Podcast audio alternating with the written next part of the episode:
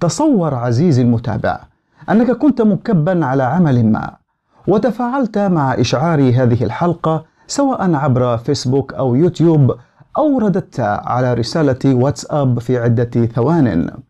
فإنك ستضيع ما مقداره نصف ساعة من التفكير المشتت حتى تعاود التركيز مرة أخرى على العمل الذي كنت عليه. وقس على ذلك. مقدار ما ستعانيه وما ستهدره من وقت إذا كنت من مدمني مواقع التواصل الاجتماعي والإبحار فيه لساعات طويلة. إننا نعيش أعزائي في عصر المشتتات والملهيات الرقمية، نتصل على مدار الأربع والعشرين ساعة بالتكنولوجيا التي لا غنى عنها، بالحاسوب، بالهاتف الذكي، بتطبيقاته التي تبتلع وقتنا كثقب أسود. لم نعد نحتاج إلى إدارة الوقت لرفع كفاءة وفعالية إنتاجيتنا الشخصية بل أضحت إدارة التركيز هي العنصر الحاكم على نوعية وجودة الوقت الذي نقضيه في العمل. كيف نقضيه؟ كيف نستثمره؟ كيف نسيطر عليه؟ التشتت والإلهاء الرقمي. هو الداء الذي لا مفر منه في عصرنا الحالي. عن هذا الموضوع تدور حلقتنا من بودكاست إدارة بوست. عن أضرار الملهيات الرقمية والتشتت في العمل على المؤسسات أو على الأفراد. عن الفرق بين إدارة الوقت وإدارة التركيز والانتباه. عن الفرق بين العمل العميق المركز وبين العمل الضحل. وأخيرا سوف نستعرض كيفية ترويض وهزيمة المشتتات والإلهاء الرقمي سواء بأهم السياسات والاستراتيجيات التي يمكن اتباعها على المستوى المؤسسي أو على المستوى الفردي. متابعة مفيدة وشائقة.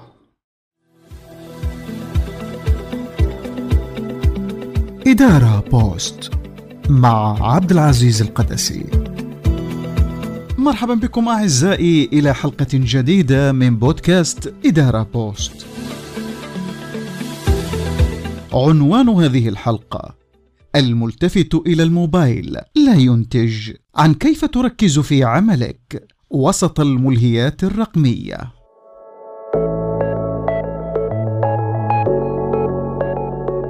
نحن أعزائي في عصر عز فيه التركيز فالتركيز في العمل والعمل على إنجاز الأهداف والمهام بعمق وكفاءة وفعالية ليس بالأمر السهل. وعلى وجه الخصوص في عالم نعيشه من الاتصالات الرقمية المفرطة. تحاصرنا فيه صنوف الملهيات والمشتتات الرقمية الجاذبة من شركات أو أفراد يتنططون حوالينا للفت الانتباه من خلال إعلان ترويجي أو مقطع فيديو أو رسالة على البريد. ففي العادة حين نبدأ العمل في أمر ما نكون أكثر حماسة وتحفزا لكننا قد نشعر بتراجع هذه الحماسة وعدم التركيز بمرور الوقت. فهناك للأسف من العوائق والمثبطات والعادات السيئة والفارغة ما يجعلنا نقع في فخ تشتيت انتباهنا وتفريغ طاقاتنا فيما لا طائل منه. لذلك قد نتعثر في طريقنا لتحقيق الأهداف أو نفاجأ بأن قد استنزفنا في مسارات فرعية تحيد بنا عن وجهتنا الصحيحة. وقديما قالت العرب المتلفت أو الملتفت لا يصل. نعم وكيف يصل وهو منشغل بغير الطريق؟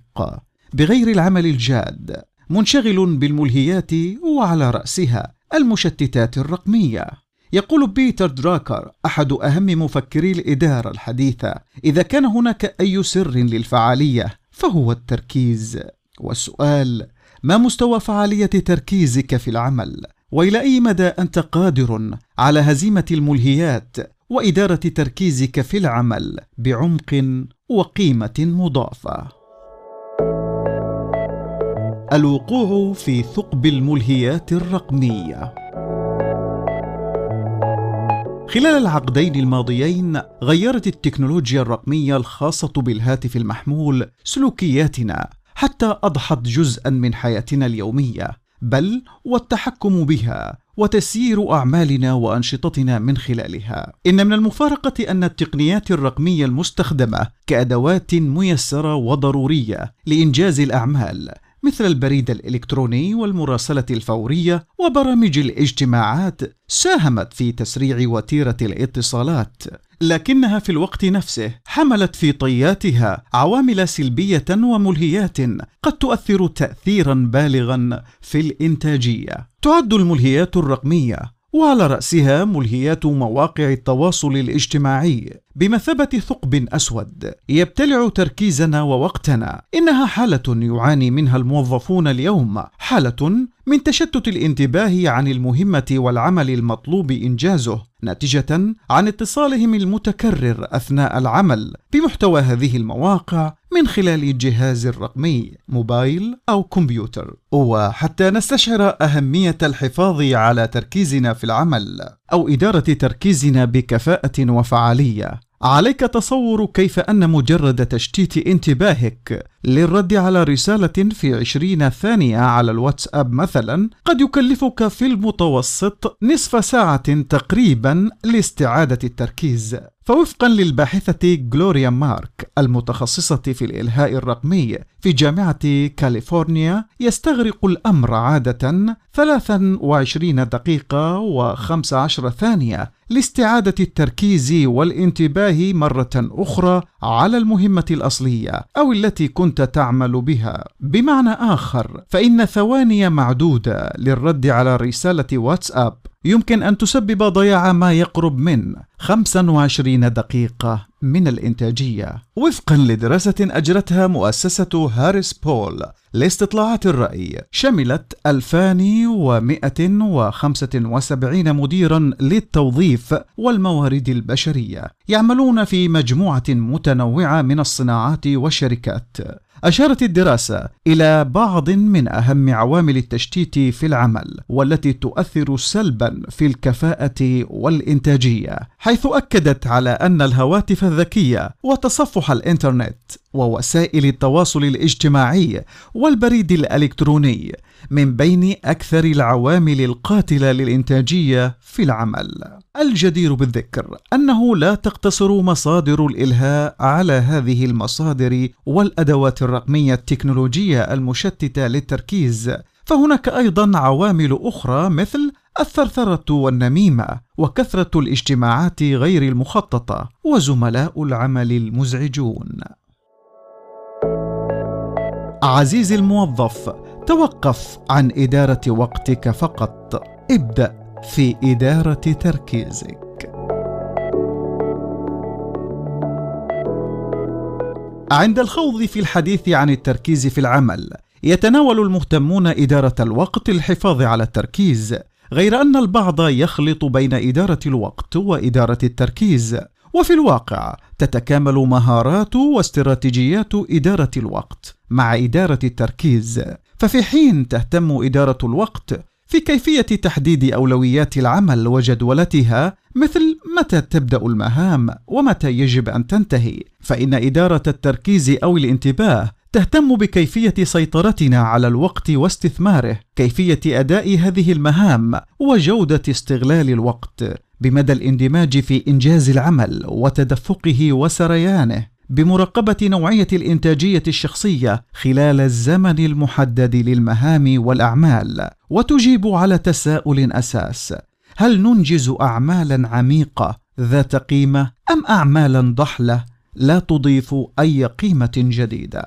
لقد أضحت إدارة الوقت ضربا من تقنيات الماضي عند بعض الكتاب والباحثين وتصاعد دور وأهمية إدارة التركيز وضرورة التحول من إدارة الوقت إلى إدارة التركيز. إنهم يرون أن محاولة التحكم في الوقت تشبه محاولة الاحتفاظ بالماء بين يديك. إن ذلك غير ممكن. ما يمكنك فعله هو التحكم في الانتباه. وفقا لعالم النفس آدم جرانت فإن إدارة الانتباه أو التركيز هي فن التركيز على إنجاز الأشياء الصحيحة في الأماكن المناسبة وفي اللحظات المناسبة. أما الكاتبة مورال نيفيل توماس مؤلفة كتاب إدارة الانتباه فتقول إن الوقت ليس مشكلتنا لدينا جميعا نفس ساعات اليوم الأربع والعشرين ساعة لا يمكننا التحكم في الوقت. مشكلتنا هي مشكلة الإلهاء وتشتيت الانتباه الناتج عن التقنيات الرقمية الحالية وقدرتها على توصيل الاتصالات والمعلومات إلينا بطرق غير محدودة طوال الوقت. وبما أن الإلهاء هو مشكلتنا فإن إدارة الوقت ليست هي الحل. إن الترياق المضاد للإلهاء هو الانتباه والتركيز. آثار الإلهاء الرقمي. إن أقل إلهاء يمكن أن يتسبب في أن يستغرق الموظف وقتا أطول لإكمال المهمة. لا يؤدي الإلهاء فقط إلى إطالة الوقت الذي يستغرقه إكمال المهمة لكنه يمكن أن يقلل من الإنتاجية وجودة عمل الموظف. فيما يلي نسرد عددا من أبرز الأضرار والآثار السلبية التي قد يسببها عدم تركيز الموظف أثناء عمله وتورطه في الملهيات الرقمية مواقع التواصل الاجتماعي social media بشكل أساس.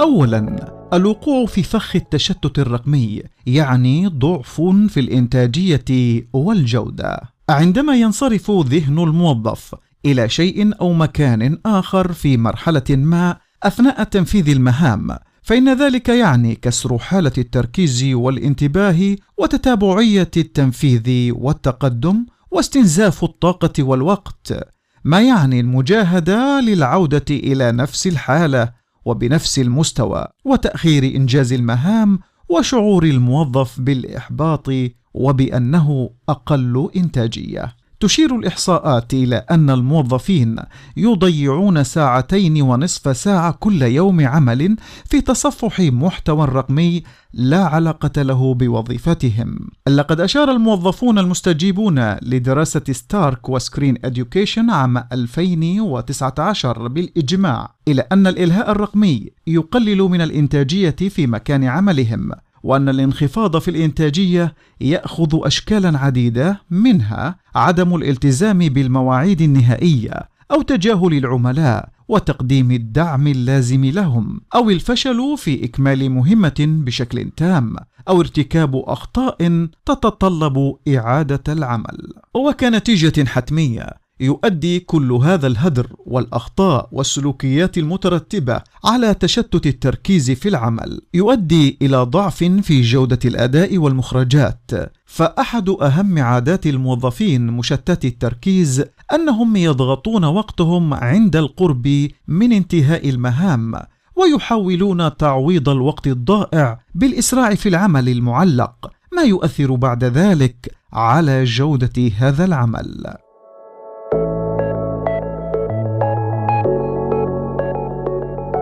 ثانيا الإلهاء وعدم التركيز يعرضنا للمخاطر وفقدان السلامة في مكان العمل. يشير الموظفون إلى أن التشتت وعدم التركيز في العمل قد يعرض الفرد العامل ومؤسسته إلى مخاطر الحوادث في بيئة الأعمال الصناعية. وتحديدا قد يسبب اضرارا في الممتلكات أو إصابات عمل للأفراد قد تصل إلى الوفاة. وفقا لدراسة Stark و Screen Education تشمل الأمثلة على الحوادث التي تسبب فيها الموظفون المشتتون بسبب الالتهاء بالهواتف الذكية ما يلي. أحد الأفراد كان مشغولا على هاتفه في المصعد فأغلق باب المصعد على سترته فشد طوق هذه السترة حتى كاد يخنقه. أيضا شخص ما كان يشتت انتباهه بهاتفه عندما تم سحق ذراعه بواسطة مكبس. وأيضا سقط مريض لأن الممرض كان يستمع إلى الموسيقى ولم يسمع صوت المنبه.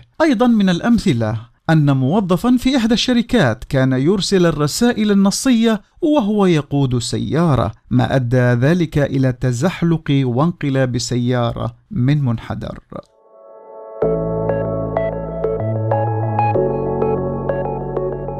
ثالثا الانشغال بالهاتف المحمول تكلفة ضائعة ونزيف مالي. تشير الإحصاءات الصادرة عن منصة التعلم عبر الإنترنت يوديمي في تقريرها المعنون الإلهاء في العمل لعام 2018 تشير هذه الإحصاءات إلى أن الشركات الأمريكية تخسر مليارات من الدولارات سنويا. تقريبا ما يزيد عن 650 مليار دولار بسبب ضعف الإنتاجية الناتجة عن الإلهاء وتشتت التركيز. ووفقا لدراسة استمرت عقدا من الزمن نشرها موقع هارمون آي إي المتخصص في تقنيات وأدوات المعرفة. أشارت الدراسة إلى أن أرباب العمل يخسرون عشرة آلاف دولار لكل موظف سنويا كنتيجة مباشرة للمشتتات والإلهاءات الرقمية والتكنولوجيا المتعددة، كما أن تشتت الانتباه في مكان العمل يؤدي إلى تضييع الموظف العادي حوالي أربعة أيام واثنتي عشر ساعة من العمل كل شهر، وقدرت إنتاجية الموظفين بأقل من 60% من وقتهم نتيجة للوقوع في مصيدة التشتت. سواء كانوا يعملون في المكتب أو في العمل عن بعد. كل هذا يترجم إلى خسائر خسائر ناتجة عن ضعف الإنتاجية أو خسائر مخفية ناتجة عن ضياع الوقت وإهداره. هذا الوقت الذي نادرا ما يتم احتسابه في الميزانية العمومية في نهاية العام. أرقام لا تحسبها المنظمات بسبب نقص المعرفة والوعي.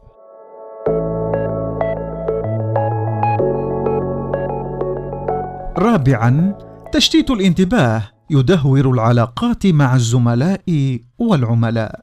إن التهاء الموظف وعدم تركيزه وتأخره في إنجاز مهامه وتسليمها في الوقت المحدد قد يضر بسمعته والثقة به لدى الزملاء أو العملاء. ما يمنع زملاء العمل والعملاء من التعامل معه مرة أخرى أو الاعتماد عليه وهو أمر محبط للموظف ويصيبه بالاستياء.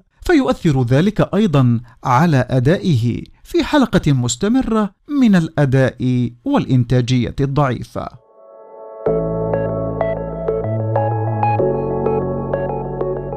خامسا تصاعد مشاعر عدم الرضا والسلبية الذاتية. إن تورط الموظف في الملهيات الرقمية أثناء العمل وتقاعسه في إتمام المهام وإنجاز الأهداف المطلوبة وإهدار الوقت. له تأثير سلبي في الموظفين. فبالإضافة إلى جعلهم يشعرون بأنهم أقل إنتاجية وحماسة وأكثر إجهادا فإن هناك من الموظفين من يرون أن المشتتات تجعلهم يشعرون بالضيق تجاه أنفسهم تجاه حياتهم المهنية ورضاهم الوظيفي. وتصاعد مشاعر اللوم الذاتي لتفريط الموظف بالوقت واستهتاره بمسؤولية العمل. يمكن أن تكلف هذه المشاعر السلبية فقدان الموظف لوظيفته إذا ما استمر الأمر وتكررت الأخطاء وضعفت الإنتاجية وفقد ثقة الزملاء والعملاء ورؤسائه في العمل. كيف نروض ونهزم الإلهاء الرقمي؟ تحتاج المنظمات وأرباب العمل إلى إدراك التأثير السلبي للمشتتات في العمل اولا. فبمجرد فهم ذلك والاعتراف به فإن الوقت يكون مناسب لاتخاذ السياسات المناسبة وإيجاد طرق وأساليب لكبح أو منع المشتتات في العمل. وعلى رأسها الإلهاء الرقمي. وإرساء قواعد العمل العميق سواء كان في مكاتب العمل الحضوري أو عن بعد. ويمكننا تلخيص عدد من الأساليب المفيدة لذلك على أن تنفذ على مستويين مؤسسي وفردي.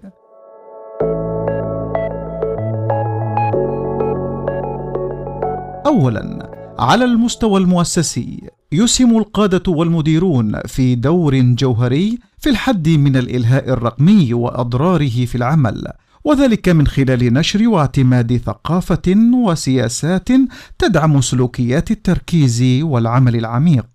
ومن ذلك منع استخدام الهواتف الذكية وتصفح مواقع التواصل الاجتماعي ومنع إجراء المكالمات الشخصية أثناء العمل وتحديد أوقات للاستراحة والغداء. وتشجيع الموظفين على أخذ فترات راحة خلال اليوم لاستئناف العمل بنشاط وتركيز.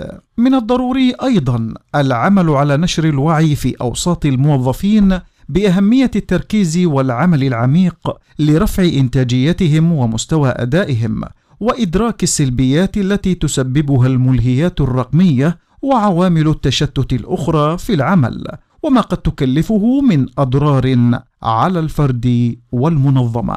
ولا بد هنا أن نشير إلى أهمية توفير التدريب المناسب للموظفين لاكتساب مهارات إدارة التركيز والوقت والانضباط الذاتي والتعرف على أهم الممارسات والاستراتيجيات في ذلك.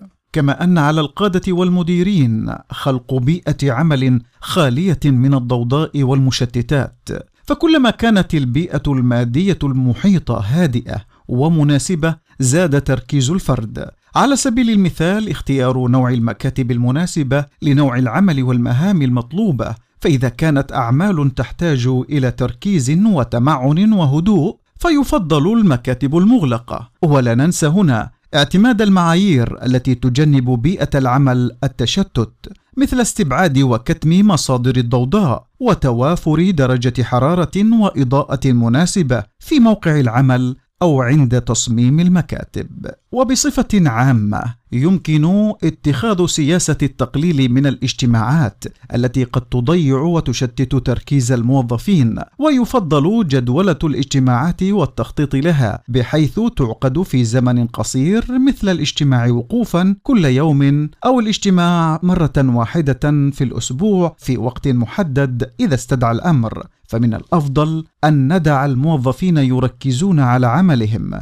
وأخيرا فمن المفيد الاعتماد على العمل المرن والهجين حيث يرى كثير من الموظفين أن المرونة في العمل تمكنهم من أن يكونوا أكثر إنتاجية وتركز المرونة في العمل على إتاحة الفرصة للموظف أو العامل باختيار وتكييف ساعات العمل مع ظروفهم الشخصية كما أنه من المفيد اعتماد العمل الهجين حيث تكشف الإحصاءات إلى أن ما يقرب من 50% من الموظفين. يمكنهم العمل بكفاءة أكبر عند العمل عن بعد بمستويات متناقصة من الإجهاد، فيمكن للمنظمات والشركات تقسيم أيام العمل ما بين العمل عن بعد والعمل في مقر المنظمة.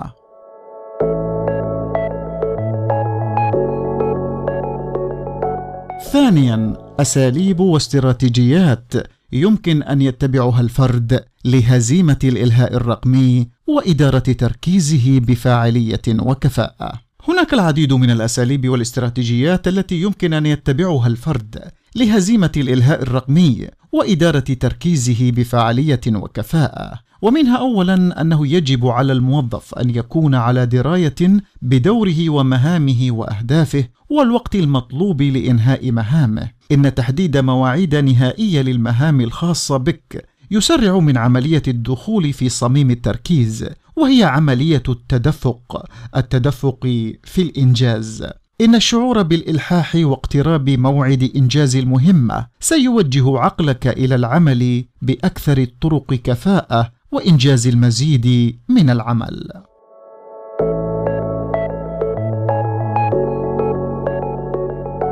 ثانيا يجب عليك التخلص من السموم والملهيات الرقمية. إن من أهم خطوات إدارة تركيزك هي كتم مصادر الإلهاء والتشتت والتخلص منها. فمن المفيد حذف التطبيقات غير الضروريه من هاتفك الذكي وإبقاء الهاتف بعيدا خلال ساعات العمل مثلا اترك هاتفك بعيدا لمدة ساعتين أثناء قيامك بعمل مركز أو اتركه في غرفة أخرى أو مكان مخصص له، ولا تنسى إيقاف تشغيل الإشعارات غير المطلوبة وغير الضرورية من تطبيقات التواصل الاجتماعي. من الأفضل تخصيص وقت محدد لفتح والتحقق من رسائل البريد الإلكتروني الخاصه بك والرد عليها. يعد تحديد وقت خاص لبريدك الإلكتروني طريقة رائعة لقضاء الوقت في القيام بأشياء مهمة والحفاظ على تركيزك.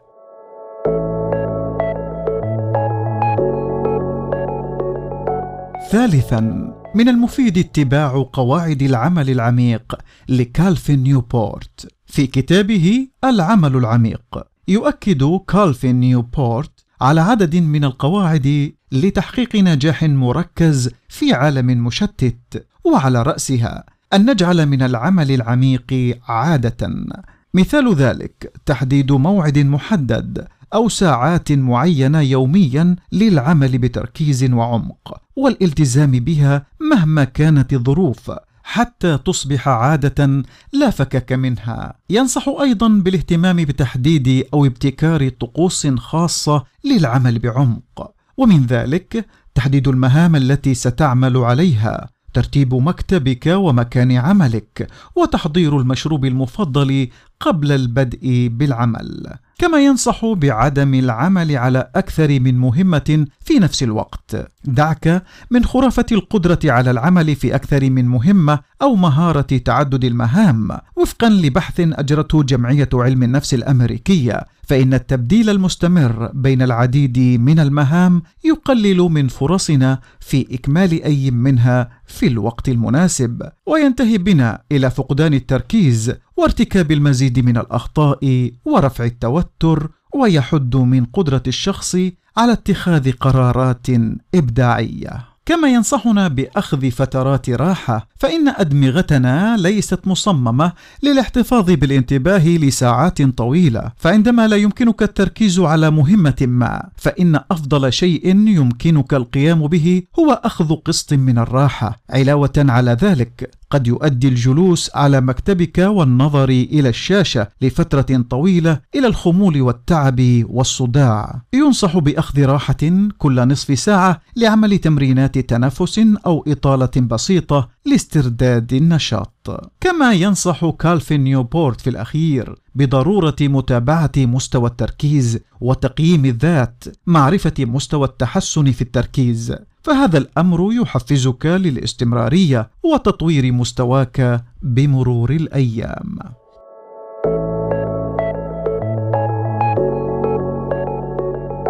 رابعا تنبه لطاقتك على مدار اليوم ودرب عقلك على التركيز. فمن الطبيعي أن يتغير مستوى نشاطك الذهني والبدني ودافعك للعمل على مستوى اليوم. راقب نفسك واستمع إلى جسدك واعمل على المهام السهلة أو المحببة في الأوقات التي تعلم فيها أن طاقتك ستكون منخفضة. واحتفظ بالمهام الصعبة عندما تشعر بالراحة والتحفيز.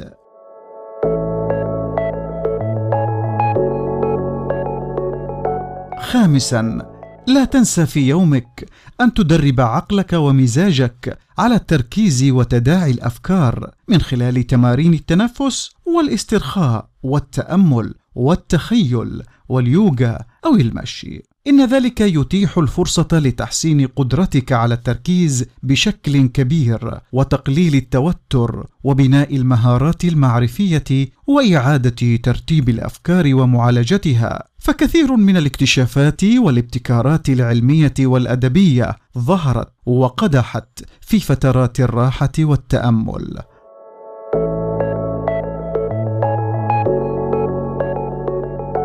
سادسا استخدم قوة التكنولوجيا لتدريب عقلك على التركيز. إن التكنولوجيا تكون سيئة وجيدة بحسب الطريقة التي نستخدم بها صلاحياتها لتمكيننا من العمل بشكل أفضل وأكثر أمانا وأسرع فعالية. فهناك العديد من الأدوات وتطبيقات الأجهزة المحمولة وبرامج إدارة العمل التي يمكن أن تساعد بالفعل على التركيز بشكل أفضل تم تصميم هذه التطبيقات بطريقة تساعدك على استعادة عقلك والانشغال والتركيز بالعمل. ومن أشهر هذه التطبيقات Headspace و Concentrate وموقع brain.fm على سبيل المثال لا الحصر.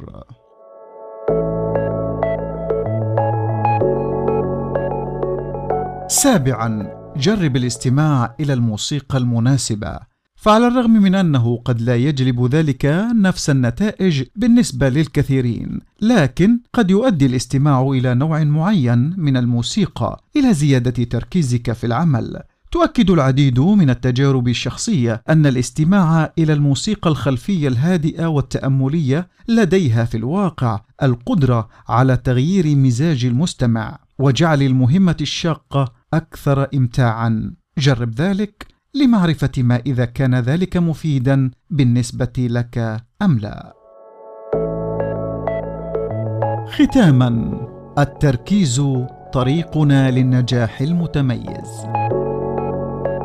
هناك ما يكفي من مصادر التشتيت الرقمية للتأثير السلبي في إنتاجية الموظف غير أن الموظف الكفء والفعال هو من يتمكن من التحكم في التركيز وإدارته. من يطور عاداته وقدراته ليكون أثناء العمل وأداء المهام أو الأنشطة ذو تركيز عال وانتباه يقظ ومقاومة قوية لأي مشتتات وملهيات. قد يكون التركيز امرا صعبا خاصة في عالم سريع الخطى ومتصل بشكل كبير لكنه مهارة يمكن تطويرها بمرور الوقت. مهارة ضرورية واجب تملكها في طريقنا لتحقيق النجاح المتميز المنشود. إن قدرتك على التركيز في محيط من المشتتات الدائمة يؤدي إلى زيادة إنتاجيتك الفعلية إلى إتقانك الأعمال العميقة. تلك الأعمال التي تنجز بتركيز وتحتاج إلى مجهود ذهني كبير وينتج عنها قيمة جديدة النوعيه ذات جودة يصعب تقليدها أو مضاهاتها. يقول الكاتب تشارلز ويليام وينت لا يتعلق النجاح في الحياة كثيرا بالموهبة والفرص مثل ما يتعلق بقدرتنا على التركيز والمثابرة. انتهت حلقتنا إلى اللقاء في حلقة جديدة. إدارة بوست مع عبد العزيز القدسي.